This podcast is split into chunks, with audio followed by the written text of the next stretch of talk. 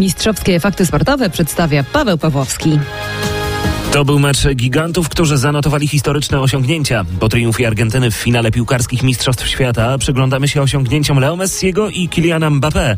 Przypomnijmy jednak na początek, że Argentyna pokonała w finale Francję. Do rozstrzygnięcia meczu potrzebne były jednak rzuty karne, bo po 90 minutach było 2 do 2, natomiast po dogrywce mieliśmy remis 3 do 3.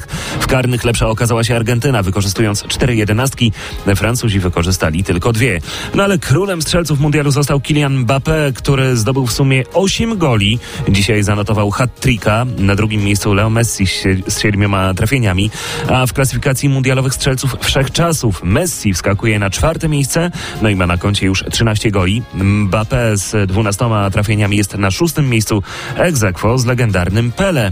Pozostajemy jeszcze przy piłce. Gareth Southgate pozostanie trenerem reprezentacji Anglii.